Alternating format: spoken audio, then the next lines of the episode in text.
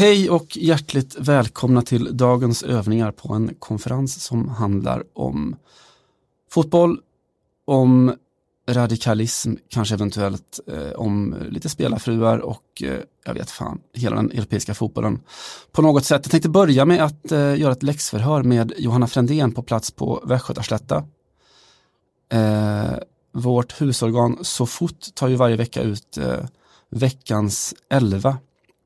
Eh, en svensk är med i veckans elva med motiveringen eh, Äntligen har Zlatan Ibrahimovic fått sin eh, följare. Vem eh, tror du med i laget? Ja, det är ju inte Alexander Isak, för det känns lite för uppenbart va? Just det. Eh, Så då kan man tänka sig att de har eh, skämtat lite med, ja, vad vet jag, Jakob Johansson kanske? Så, så mycket har de inte skämtat. Nej, alltså, jag, jag tycker om att du är tillbaka i Västergötland i alla fall eh, och att det känns. Nej, eh, för andra gången på ett drygt år så har de tagit ut eh, Armand Duplantis i sin veckoelva. Ah, Eh, inte den svenska 20-åringen utan en annan. Eh, trevligt i alla fall. Eh, välkommen Johanna, välkommen alla andra också till det vi kallar fotboll radikal tack, eh, merci. och sådär. Hur mås? Eh, här mås väl fint, mestadels. Ja, det är man på slätta så är man på slätta. Jag är inte på slätta, nu ska vi ju vara tydliga med det här. Jag sitter faktiskt lite i den begynnande bildningssluttningen, eller bildningssluttningen. Det är ju inte så slätta här riktigt, men eh, Mer jag, mår, slätta, jag mår bra säga. ändå. Ja, det kan man göra. Jag tror att det är andra gången som du korrigerar mig just eh, kring den här geografiska felsägningen. Jag tror, undrar om det där är lite som att typ, är det inte så att jag känner en finländsk tjej som brukar eh, säga, gå med på att, både gå med på ibland säga vi i Skandinavien, hon bara, jag- alltså Finland hör ju inte till Skandinavien.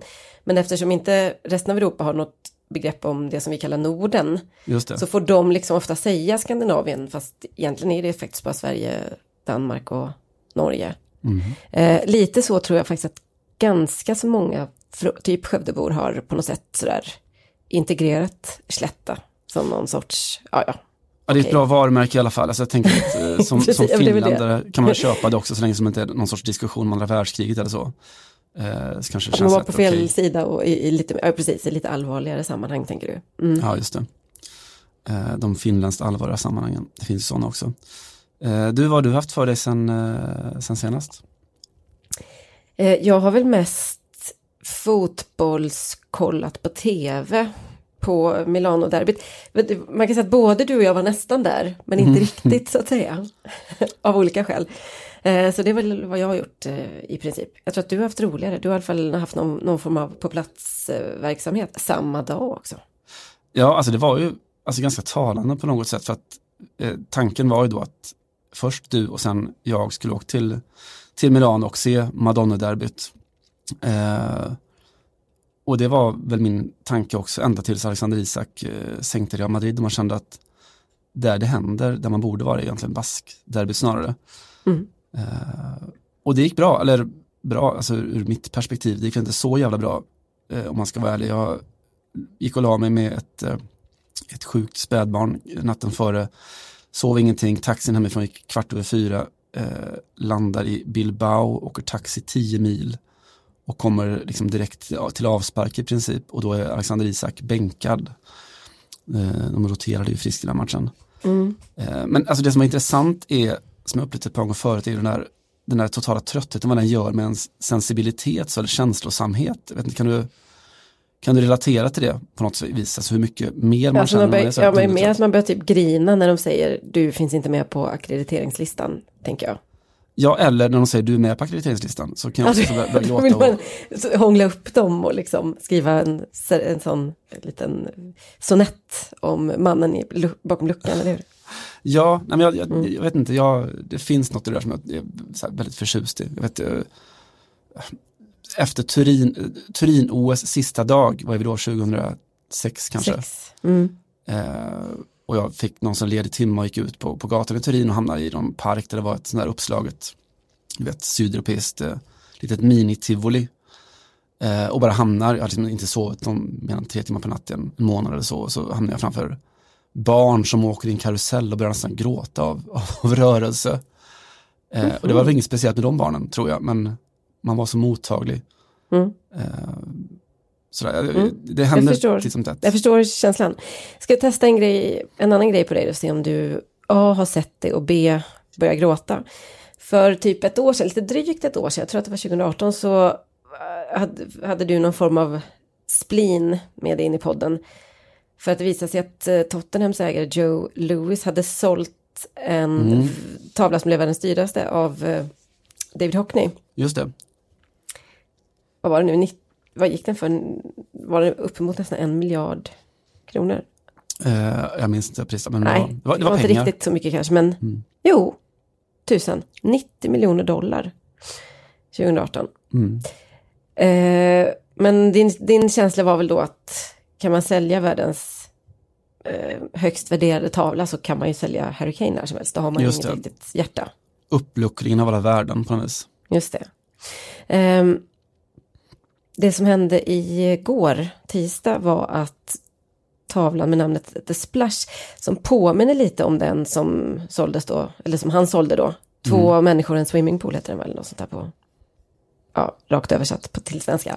Eh, The Splash är också lite samma motiv då, det är liksom en trampolin och så ser man att någon har hoppat i plurret helt enkelt. I en swim, eller ja, en pool och så, lite så kalifornisk bakgrund. Um, Den är så nära att vara i- SD-konst Ja. Det är bara att den är, den är sådär lite homosexuellt anstruken.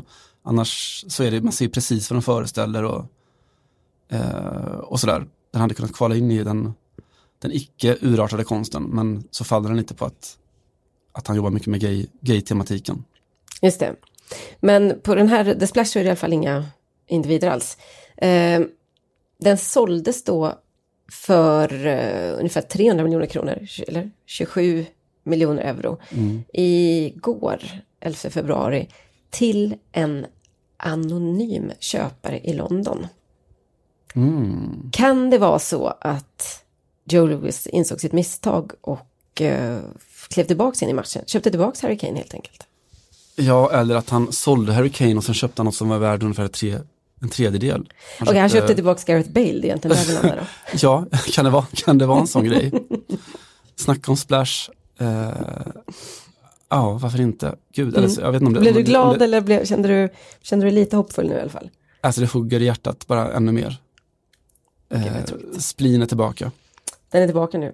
Mm. Splash och spleen. Okej. Dubbelsplin blev det istället. Just det. Mm. Eh, ska vi prata damfotboll då, Spanien? Låt oss göra det. Kan det vara nå- något? Där hände nämligen följande helgen att en match fick avbrytas i 70 någonting minuten, mellan 72 och 76 någonting.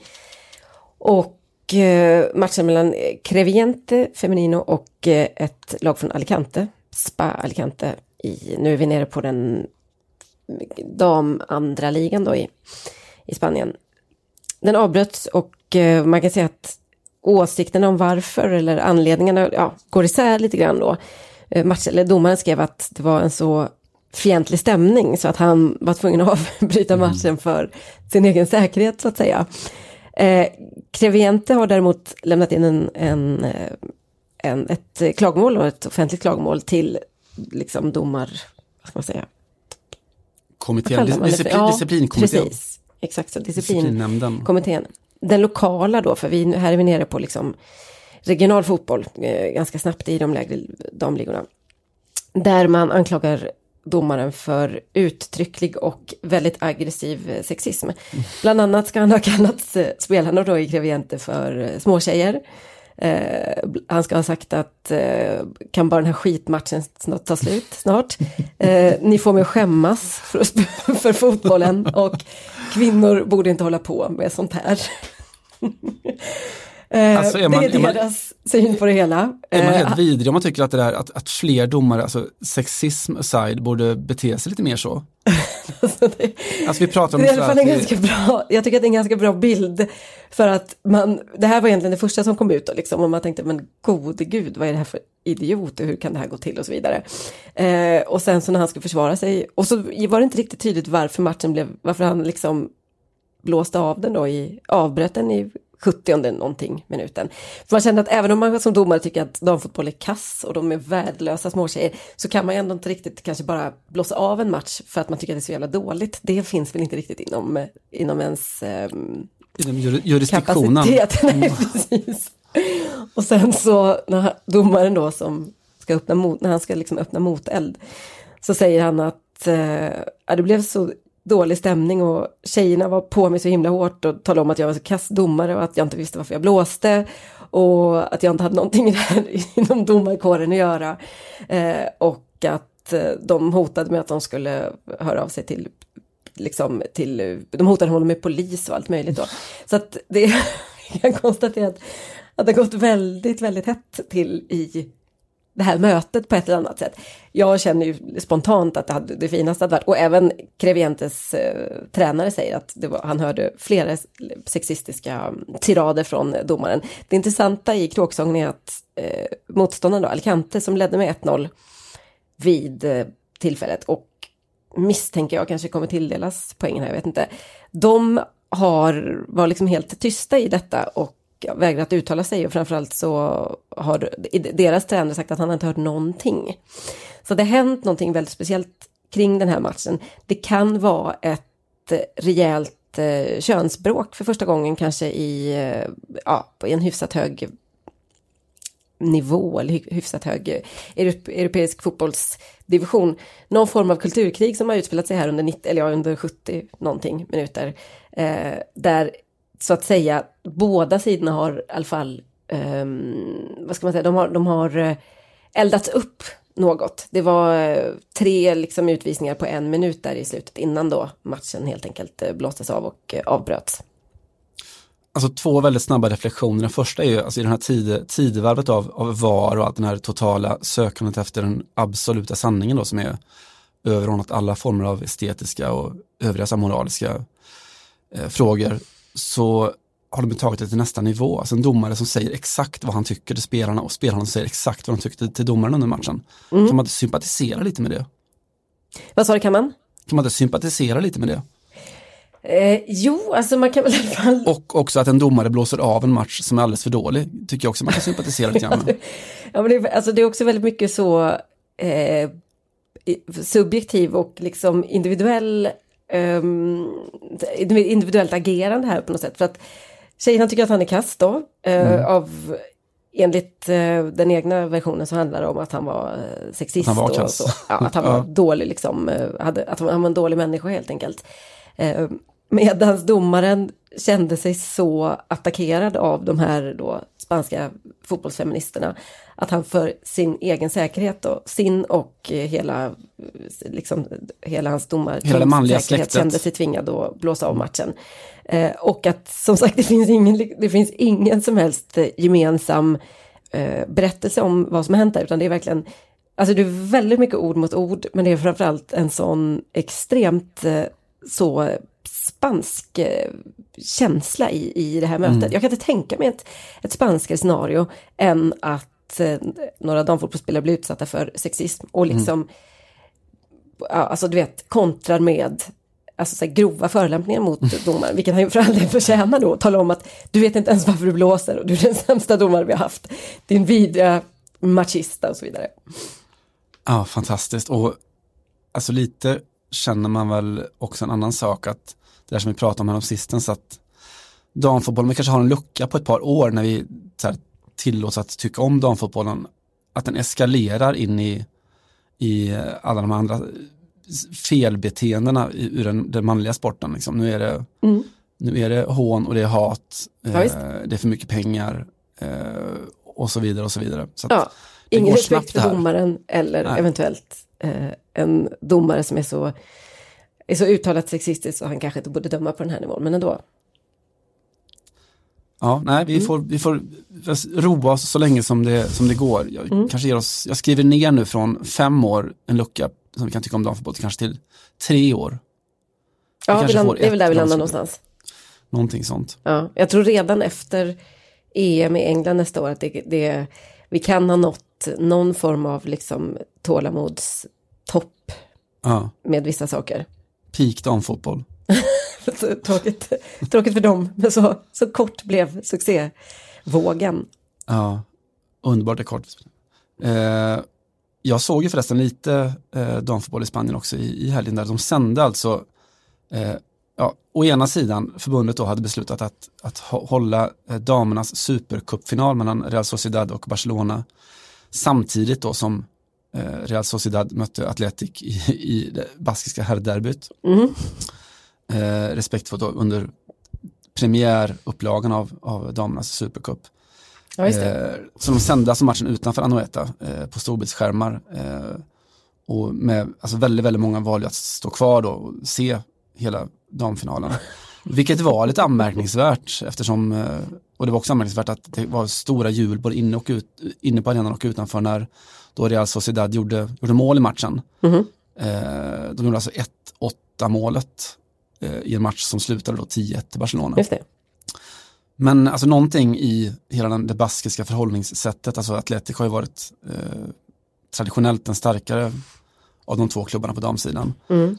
Eh, att de har ett jävligt härligt förhållningssätt till, till damfotbollen. Att det är, alltså även för många år sedan, att du ser det som eh, ja, alltså damer eller herrar eller vad du vill. Det, det är basker, liksom, det, är våra, eh, det är våra spelare. Mm. Ungefär så som man, man vill att det ska vara. Mm. För att den baskiska identiteten till och med går över den då jävligt marxistoida, eh, traditionella. Marxistoida, det var fint... Eh, Mar vad, säger, vad heter det? Masochistiska. ja. Machoattityden då. Ja, visst. Eh, så ja, det var ändå fint mitt i allt det lite sorgliga att de som sände matchen samtidigt då att eh, ja, det togs som en stor värde och på stort allvar och stor stolthet i, i San Sebastian. Ja, men du skojade väl ändå när du sa att de stod kvar utanför och inte gick in för att kolla klart? Nej, alltså matcherna spelades inte exakt samtidigt. Nej, man, okay. kunde, alltså, man kunde stå utanför och se klart damfinalen innan man då gick in till Okej, okay, man missade uppvärmningen kanske typ. Mm, precis så. Mm, mm. Uh, det gjorde inte jag, jag såg ju och fick. Det är en sån här, alltså, yrkesmässigt då är det ju alltid en sån, eh, en viss satsning man gör när man då till exempel för den diskussionen med sina redaktörer och chefer att men ska vi inte ta åka till, till baskderbyt istället för att åka och se Zlatan Ibrahimovic ytterligare ett, ett Milano-derby. Mm. Uh, och det kostar pengar och så vidare. Och så, och så kommer man dit och Alexander Isak spelar inte man känner sig inte så himla stor då. Det är en, det är en jobbig resa hem om, om man hade suttit på bänken i 90 minuter. Ja, det är en lång resa hem, eh, verkligen då, när man har eh, när man gått in med viss prestige i detta. Det håller jag helt eh, med om. Tur att han ordnade upp det så, på ett så föredömligt sätt ändå. Helt eh, dunder exceptionellt. Det är faktiskt bland de bästa inhopp jag alltså nästan någonsin sett på, på nivån. Mm. Att göra den, den, sortens avtryck så, så oerhört snabbt. Mm. Kul, kul att se Alexander Isak.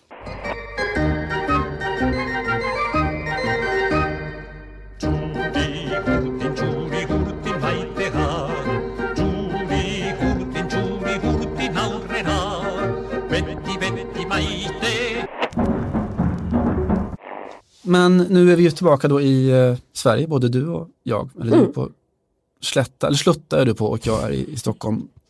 Eh, här hemma så händer det grejer. Va?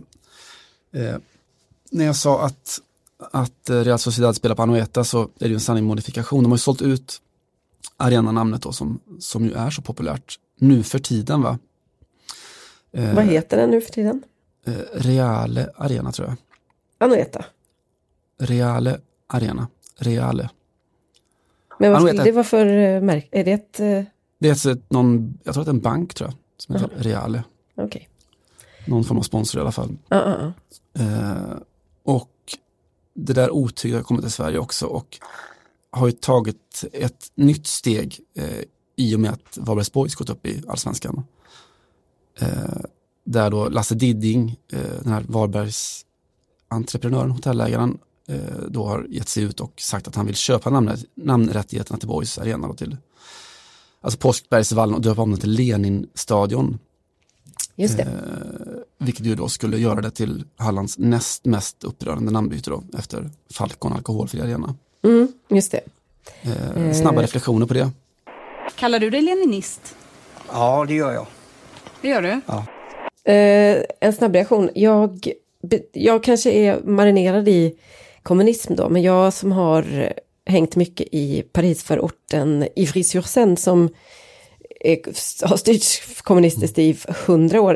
Där finns det ju Le Stade Lenin, så jag, alltså Lenin-stadion och ganska många idrottsarenor som har namn efter olika mm, revolutionärer eller eh, socialister och kommunister på ett eller annat sätt. Så jag blev ju inte sådär, eh, eller det lät ju väldigt konstigt att den skulle ligga i Halland, det var väl mest det. Men det här är inte helt otänkbart i, i andra länder som inte är gamla öststater, faktiskt. Vill jag att. Varberg är inte Paris, det är det du säger. Någonstans där jag vill, eller Varberg är inte en förort till Paris. Det hade å andra sidan väldigt kunnat vara Varbergs kommunslogan. För det är en sån här klassisk grej. Vi är som en förort till Paris. Men Ja, eh, nej, men det är de inte då. Om man, om man nu får igenom detta. Eh, nej, de, får, alltså, de lär inte få det så att kommunstyrelsens ordförande då, en moderat såklart, då, har ju sagt blankt nej till det här. Jävla Men är, är det för att han är leninist själv alltså? Ja, hon då. Eh, ja, ja man, man vet inte. Alltså, det är en, jag tycker att det är en tråkig attityd, för det hade ju satt Varberg på kartan kan man tycka. Lite. Ja, men varför vill han att den ska heta Leninstadion? Är det för att han är Ja, han, är- ja, han är ju dunderkommunist, Ja. han som har Lenin-hotellet och, eh, eh, och så. Alltså, Mm. Han är, är svag för, för inte bara estetiken utan för ideologin också. Mm. Eh, leninismen och inte Mm. bara marxismen. Då. Eh, men jag tänker så här att om det skulle gå igenom, om vi skulle få en Lenin-stadion i Varberg, så det skulle öppna en massa jävla möjligheter i svensk fotboll, eller Mm. europeisk fotboll överhuvudtaget Ja, just det. med så här politiskt laddade arenanamn på ganska oväntade platser. Det är lite konstigt att det inte finns någon, kanske Olof Palme Arena, nu när jag tänker efter. Det hade det väl, det är väl en sån sak som hade funnits i alla andra länder va? Ja, vi är närmare att ha Evi Palme Arena i Trelleborg än vad vi är att ha liksom, känns det som. Ja. Eh, men jag tycker att man skulle kunna göra ganska snabba omskrivningar och få in lite sådär svung i den europeiska fotbollen. Mm. Eh, så här då, en eh, snabb top of mind-lista. Mm. Eh, Camp Nou. Eh, Mm. Som min kamp istället. Mm. Är det otänkbart eller? Nej, det är jättebra också framförallt för att man ibland säger no camp. Då blir min kamp väldigt liknande. Just det. Mm. Eh. Ja, det, det är jätte, jättebra. Eh, Helsingborg, varför spelar inte HF på Mao Olympia istället? Ja, säg det. Säg det. Castro nikotinfri arena i Falkenberg. Eh, ja. ja, precis. Det får vara någon form av då Havanna-cigarrer fast, fast med vape eller vad ska man säga? Någon sån grej då som symbol. Ja, just det, just det, precis. Mm. Vad heter det? Els, els, elcigarett? Men finns det elcigarr? Det har jag inte riktigt sett än. Nej, och varför inte? Mm. Just det. Eh, minns förresten eh, som minipassus när, eh, jag tror det var när det ge- genomfördes eller skulle genomföras rökförbud eller sådär i, i Sverige på offentliga platser och sånt. Att eh, Aftonbladet på sin den här Vi5-spalten på sista sidan, där man ju då ska fråga fyra stycken vanlisar och en kändis om en, gärna en moralfråga eller en aktuell fråga. Mm. Eh, Den där har man varit frågan- ute och gjort. Har du fått åka på, åkt på den någon gång? Har jag åkt på den en gång? Det är i princip, det var ju mitt huvudsakliga arbetsuppgift under fem års tid. Man åker ner till T-centralen och bara, hej, var kommer du ifrån? Ja, och- kan du svara man på några skulle leta upp två, två kvinnor och två män, gärna i olika åldrar och från, från olika ställen av- i Sverige då. Ja, just det. Det skulle inte bara vara stockholmare för då har de misslyckats och så. Mm. Mm. Eh, en dag, just den där dagen då, så var frågan om, eh, om nikotinrökning var farligt tror jag, något sånt där. Mm. Eller om det var rätt att förbjuda det eller sådär. Mm.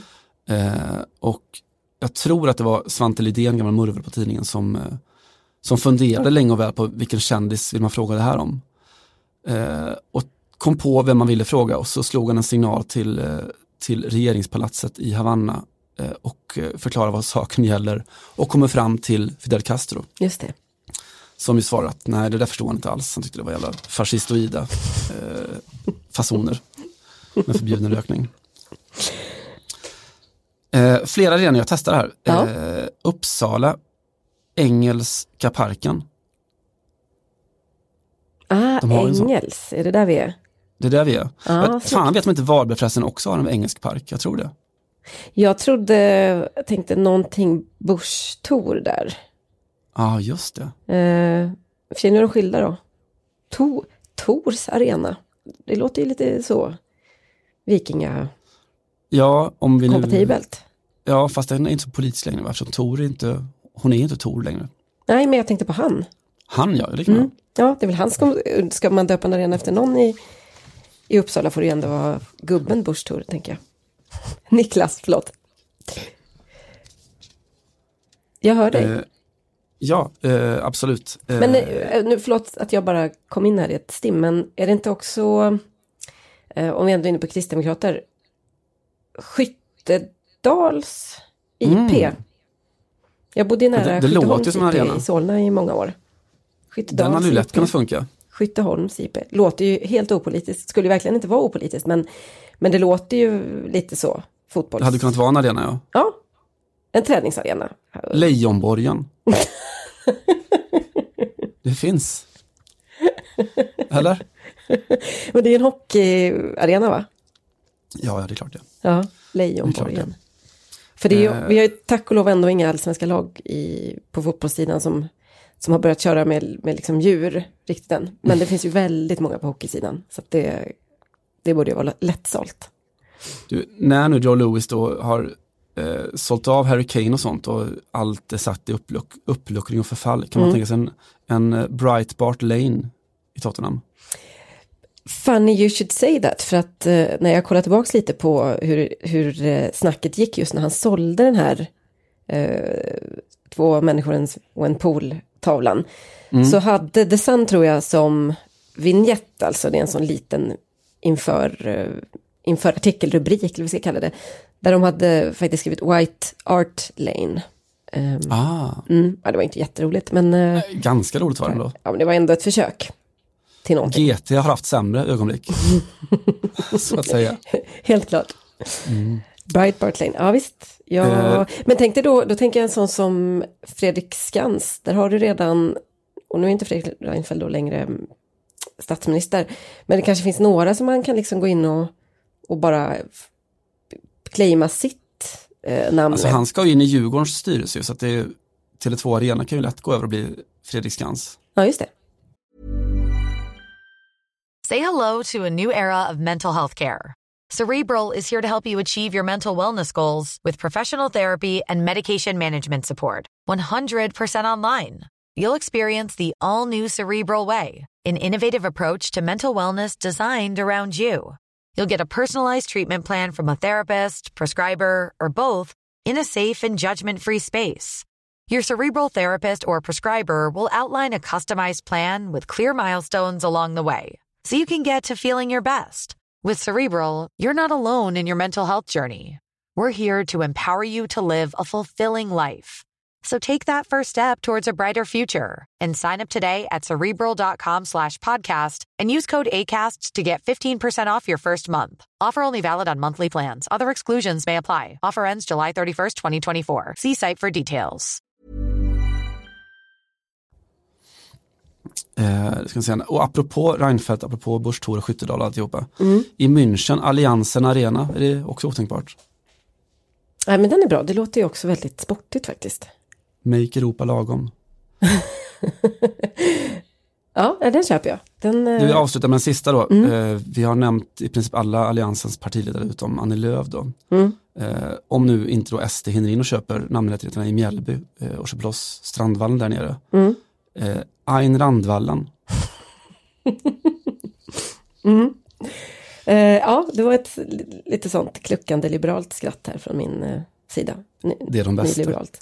Det är mina bästa skratt. Det, det här var mitt eh, ordvitssegment. Ja, men de är fina när de kommer, så länge de inte kommer för ofta. så länge som de inte kommer. och så vidare. Eh, Lejonborgen tyckte jag var riktigt starkt. En gör så gott den kan. Ja, och eh, min kamp, varför inte? Mm. Mm. Eh, om inte de känner att eh, liksom Adolf Hitler-upplagan är så kompatibel med Katalonienfrågan och så vidare så kan det ju hända att Karl Ove Knausgård kan få knipa den liksom eh, eh knipa namnet helt enkelt. Kamp Knaus. Just det. Precis, det blir mi, mini, då kan de ha en sån Johan Cruyff i stadi och så kan de ha en Karl Knausgård eh, bredvid. Då. ja, hade tyckt om det, eller i alla fall inte, inte tyckt om det. Nej, precis så.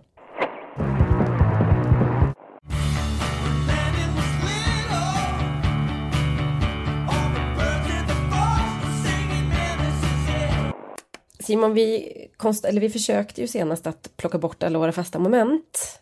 Insåg att vi inte hade sådär vansinnigt mycket att säga varandra. Utan rutiner liksom. Det var alltså det, vår, vår relation byggde på det, våra fasta moment. Det var det vi hade. Det, vi hade barnen, sådär ungefär. Det var väldigt mycket så. Ja, exakt så. Och så först flytta ett, det äldsta liksom hemifrån och sen så två samtidigt då, för de kanske var tvillingar. Och till slut satt vi här och bara, jaha. Okej, okay. ja men annars då?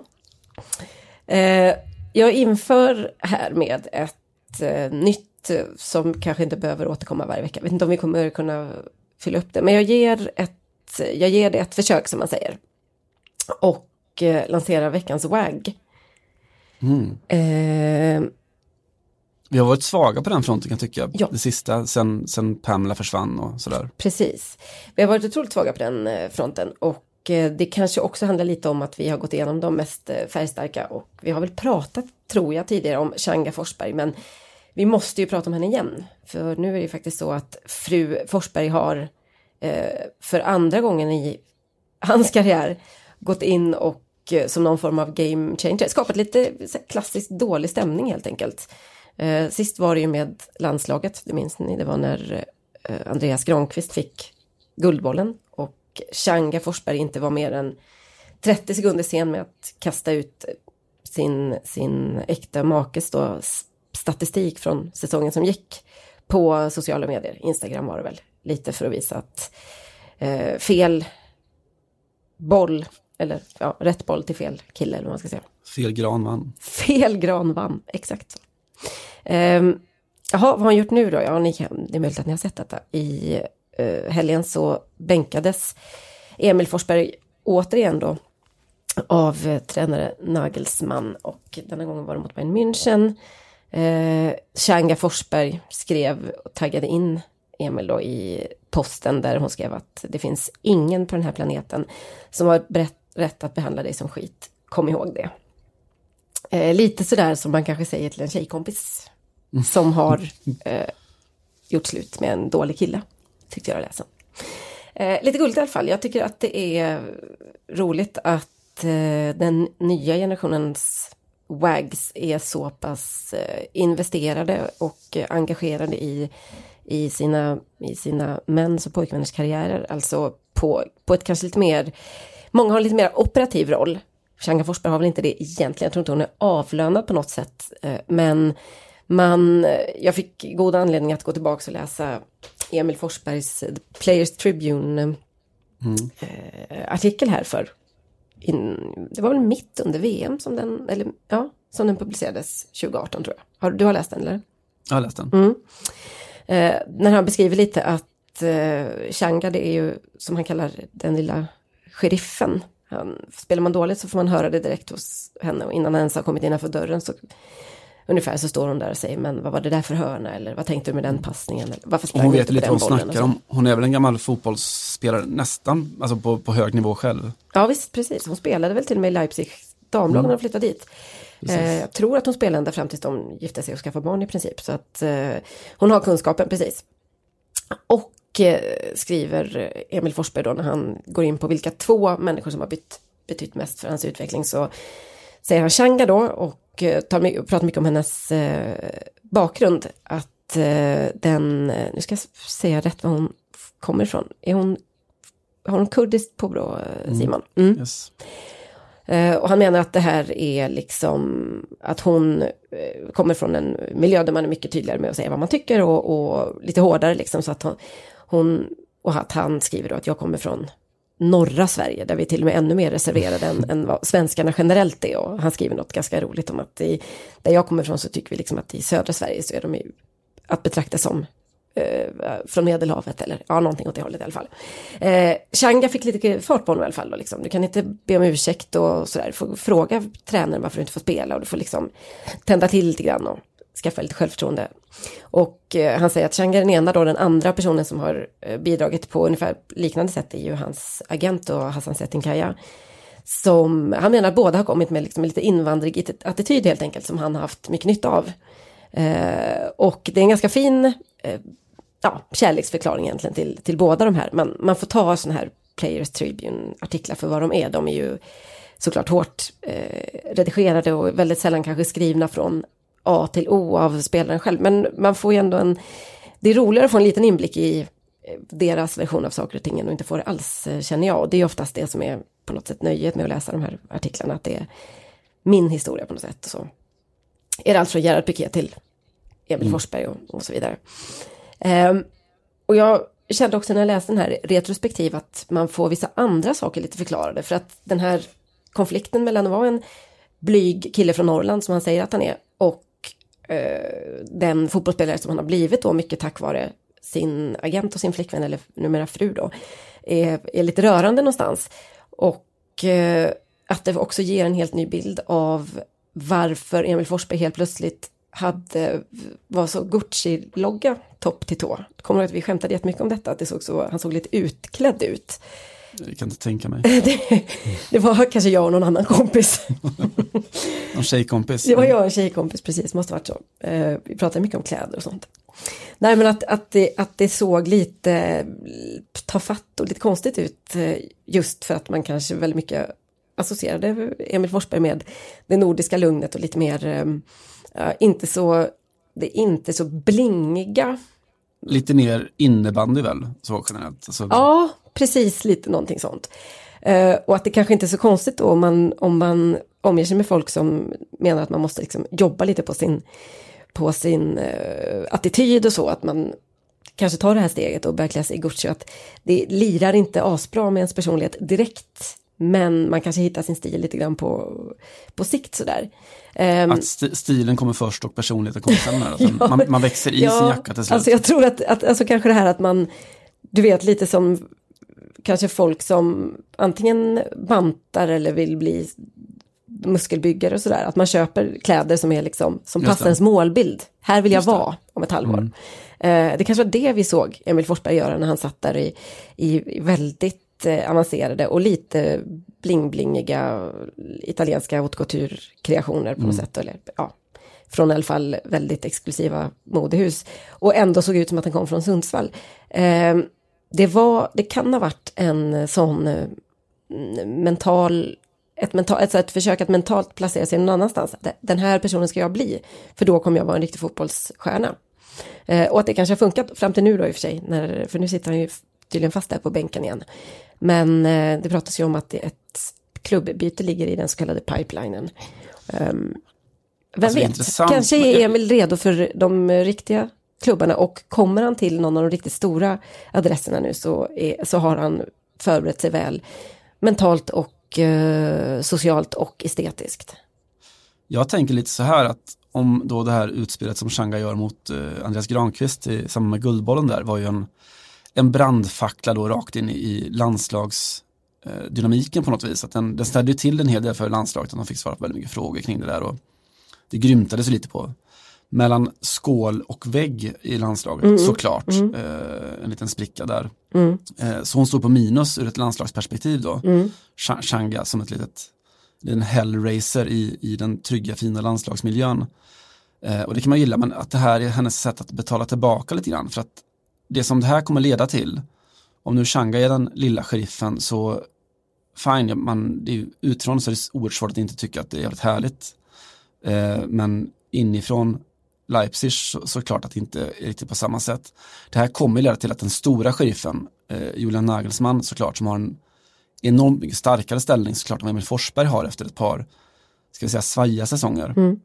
Eh, så att ja, nej, det lär säkert leda till att det blir det kommer bli problem. Det här kommer inte leda till att han, han får ett nytt och förbättrat kontrakt som, som det kanske hade gjort om han hade gjort samma, eller hon hade gjort samma utspel eh, för ett par år sedan då när han stod på topp Nej. i poängproduktionen. Det här kommer kanske leda till att han eh, ja, hamnar ut på transfermarknaden på något sätt då, som du säger i, i sommar här. Mm. Eh, och vad kan Emil Forsberg göra för att stärka sina aktier nu efter då lite blekare säsonger i Bundesliga? det är att göra ett jävligt bra EM. Mm. Eh, hon pressar honom dit, Mm. att eh, nu ska marknadsvärden piskas upp igen, eh, nu ska vi ge Hassan något att jobba med i sommar, du måste prestera i EM. Tack så mycket säger Jan Andersson, eh, det vore toppen. Mm. Ja, du kan vara helt rätt. Så Shanga har bytt lag, hon är en av oss. Ja, du, precis. En av oss. Ehm, det är ju svårt att inte tänka på, det finns ju fler wags som har gjort den här typen av eh, utspel. Bland annat så bänkades ju Angel Di Maria och Thiago Silva något förvånande av Unai Emery här om året i, en, i ett åttondelsmöte var det med Real Madrid i Champions League eh, för PSG då.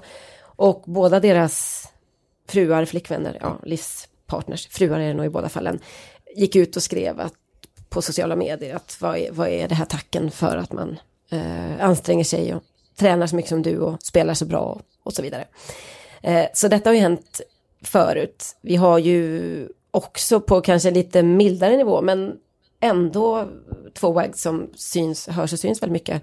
Um, John Guidettis Sanna såklart och eh, Victor Lindelöfs Maja som kanske inte ger sig in så mycket i fotbollsdiskussionerna men ändå finns med på något sätt. De har blivit lite, lite synligare och lite tydligare de senaste åren.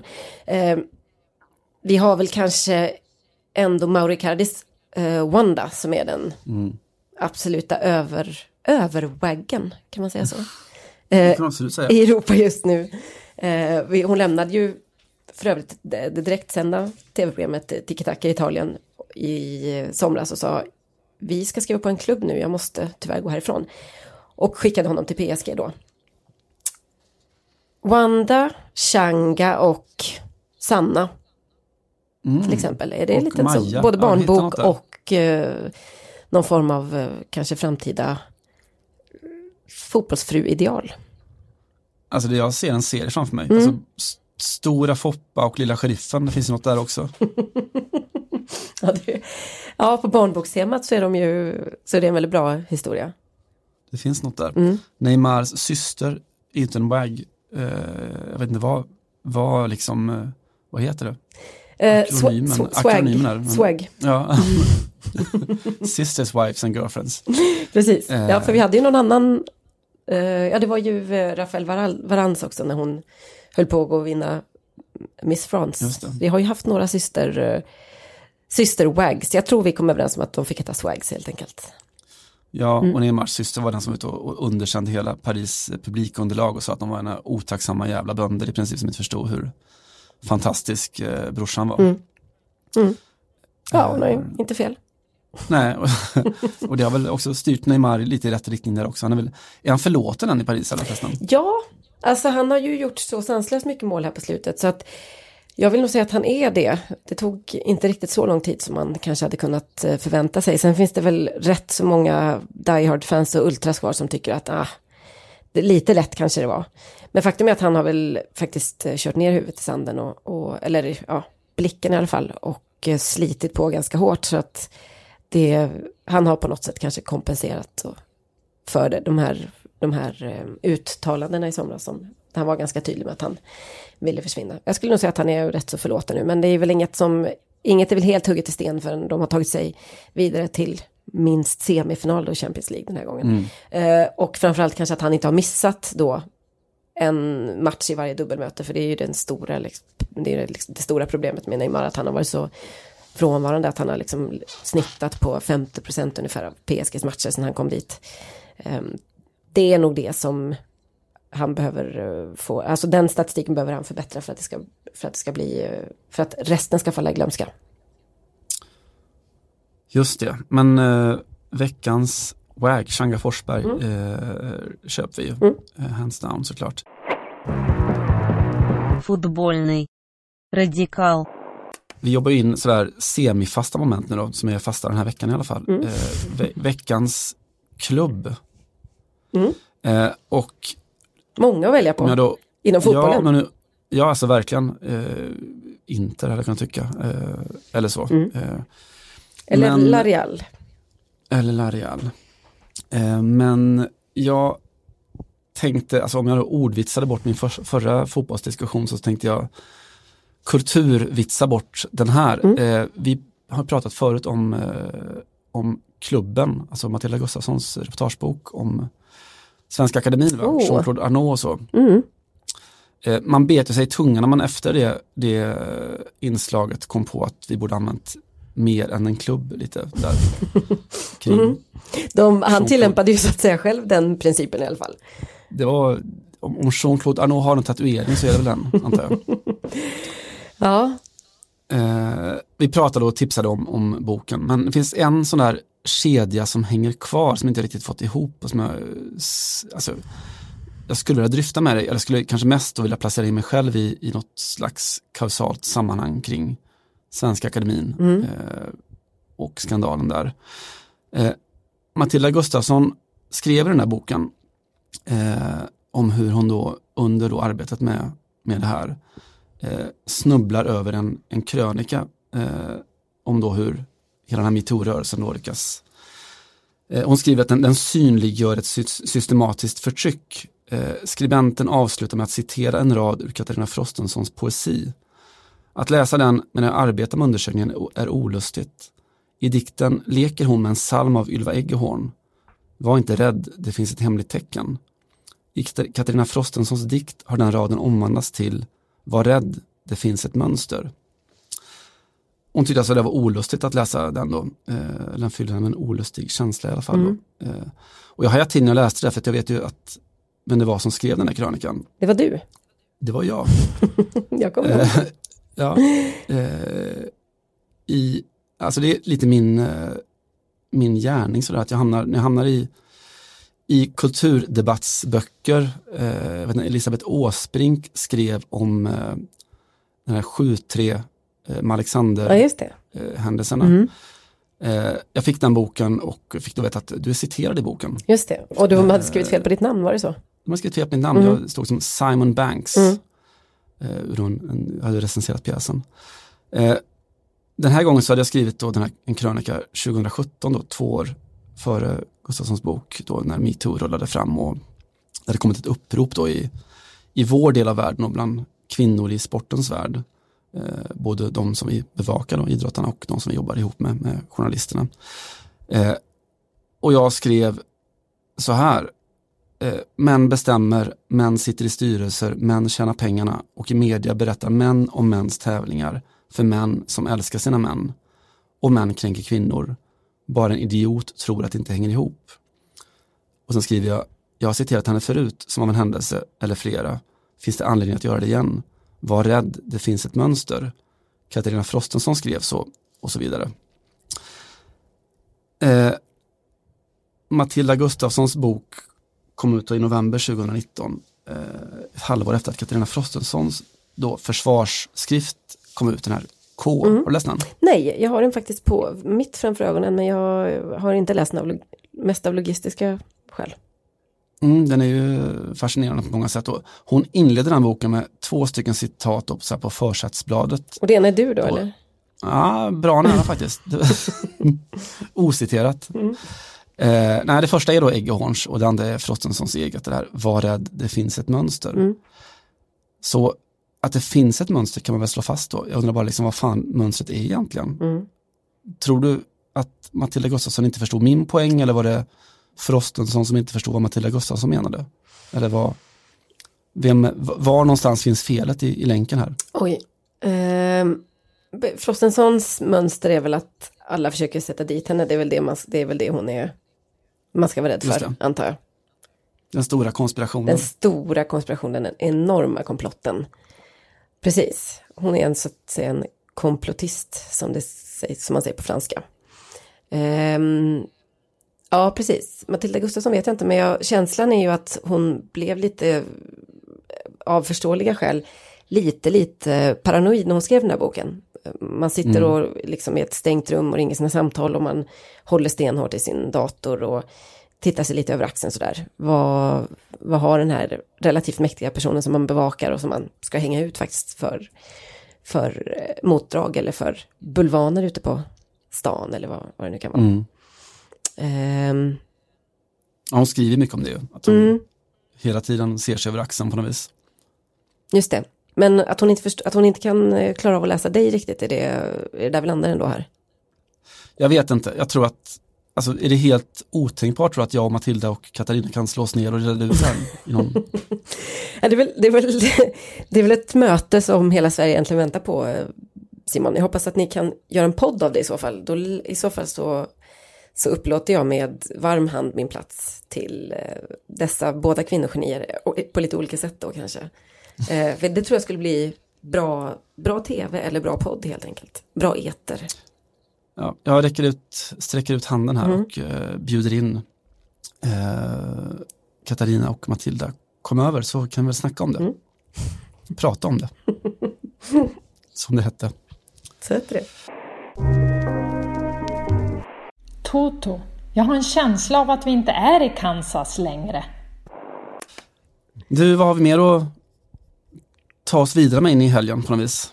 Ehm, inte så mycket är väl det korta svaret eftersom det här möjligen kommer ut. Ja, det spelas ju i alla fall in före de här eh, mitt i veckan cupmatcherna. Där det ska Zlatan ska möta Ronaldo och eh, Isak ska möta Mirandes. Just det. Eh, Så jag har inte så mycket att säga. total, Om- nej, total inlastning av de baskiska, baskiska klubbarna får man säga. De båda vilade ju halva startelvorna i derbyt för att kunna satsa allt på cupen. Mm. Eh, intressant med Zlatan, alltså du såg ju matchen, var något utöver att hela dynamiken i matchen sådär som, som slog dig? Alltså, jag fastnade lite för hur den skildrades i, i svenska medier efteråt med, jag tror att vi bland annat hade rubriker om Zlatans succé. Mm. Ja, det var väldigt eh, Var, problematiskt. var det en succé? Ja. Jag fick eh, till och med något mejl om det som frågar varför skriver du att det är succé? Vilket jag inte hade gjort, men det var väl någon som antingen blandade ihop eller så har, sattes det någon rubrik på, möjligtvis på min eh, krönika om det. Men eh, jag, nej, jag känner mer, jag känner faktiskt att man, det, det svenska perspektivet är viktigt och det, det är viktigt i bevakningen av Zlatan och våra stjärnor utomlands och så. Men just när det kommer till respekten kanske för fotbollen och för de här klubbarna som institutioner och för Zlatan för all del så tycker jag att eh, det finns en poäng att inte prata om succé när eh, Milan förlorar ett derby som är en otroligt smärtsam upplevelse för, för alla fotbollssupportrar.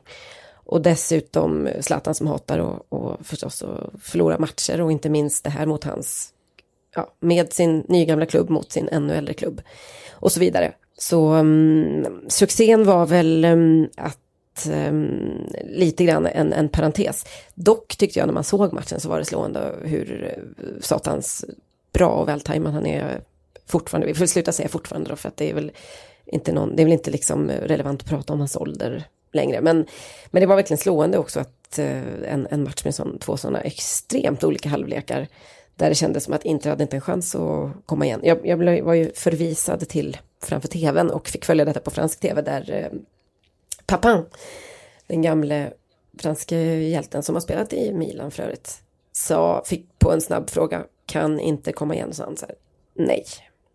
Och det var väl mycket känslan från, efter första halvlek där Milan var enormt dominanta och eh, såg sexiga ut. Vet du att de såg sexiga ut? Det var min känsla. Ja. Jag vill inte skriva det för det blir alltid massa tjafs. Men det var en, en klubb som, är, som har liksom tagit sju mila kliv på bara fyra, fem veckor. Det är otroligt fascinerande att se hur det kan gå till.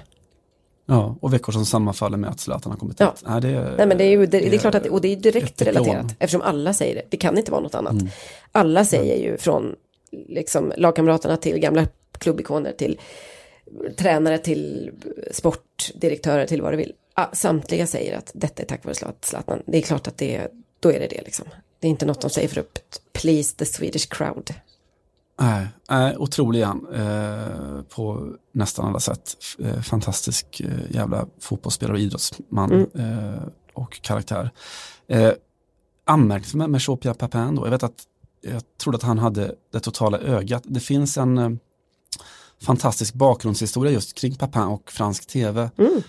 Eh, när ligamatcherna sänds i Frankrike så finns det ju där som inte vi har eh, en sån här radiosportskanal i tv, alltså att man går mellan arenorna där det, nu drar det ihop sig, det är hörna på Fredriksskans eller ja, eh, på Stade Velodrome eller så.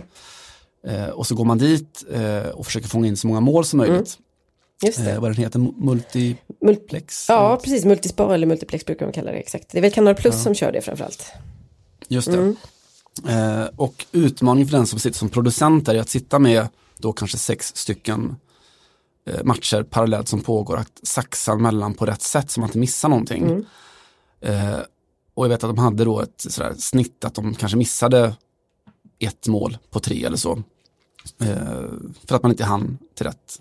Man prioriterade, nu har PSG hörna framför en Rennes frispark eller så. Mm.